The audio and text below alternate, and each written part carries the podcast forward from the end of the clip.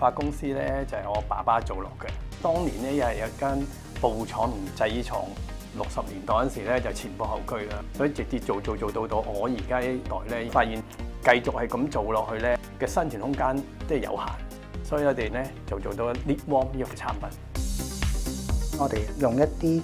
導咗純銀嘅沙線啦，積咗喺布料裏邊，呢個技術咧就可以令佢插咗一個 power bank 之後咧，其實就可以發熱啦。喺疫情誒發生嘅時候誒，逢發諗到一條新嘅出路，純銀嘅沙線咧就可以做一個好好嘅抗菌物料啦。於是乎我哋就攞咗佢咧，就做一個口罩嘅內層。咁外層咧用緊羊毛嘅布啦，咁所以我哋有一個可以抗飛沫嘅口罩啦，都可以做一個抗菌啦。咁我都知道，浮發都 join 咗我哋 T Box 去升級轉型啦。我哋以前咧就淨係做起一件貨品就已經完咗個工作㗎啦。而家我哋要諗緊，哦，究竟我要點樣宣傳呢件事啦？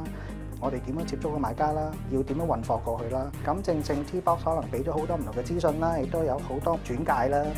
我哋開 T Box 其中一個原因都係話，俾香港企業咧可以接觸我哋五十個海外辦事處代表，咁佢哋喺當地有豐富嘅經驗。我哋都有參加一啲 webinar 啦，咁有一啲澳洲市場嘅資訊，我哋聽到佢哋對於一啲新嘅科技 product 咧，其實都好有需求嘅。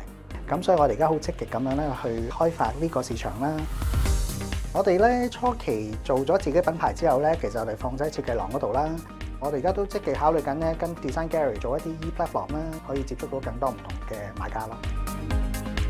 好似我哋咁啦，中啲中小企其實我哋都好需要咧 T box 呢啲升級轉型嘅服務啦。咁可以點醒我哋啦，做好多唔同嘅嘢啦，亦都因應咁艱難嘅時候咧，去做一啲升級轉型，去繼續面續將來咯。